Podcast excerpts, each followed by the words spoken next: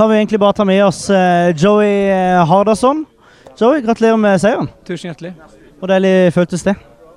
Jo, utrolig, utrolig deilig følelse, selvfølgelig. Vi eh, ble litt, litt sånn bølge frem og tilbake, og det blir opp og ned. Og kvaliteten i vårt eget spill er, litt opp og ned gjennom kampen. Og, og, men at vi igjen altså kommer tilbake etter og at de utligner, det, det vitner om karakter og moral som, som begynner å bli bra.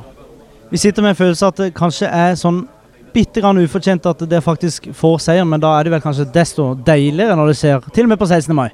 Ja, selvfølgelig. Vi eh, eh syns ikke det er ufortjent at, at jeg skårer eh, de to målene som vi gjorde. og, og, og de, er, de, er, gode. De har en, en, en innarbeidet spillestil, spillestil hvor, hvor, som, er, som, er, som, er, bra. Og vi, vi, de ganger vi ikke eh, får strukturen vår defensivt til å, til å sitte ordentlig, så da, da, får vi problemer. Og, og Ikke minst når vi òg begynner sjøl med ballen og, og, og prøver å tre i, i, midten der det er, der det er mange, istedenfor å brette den ut og, og søke rommene som, som, vi eh, egentlig skulle.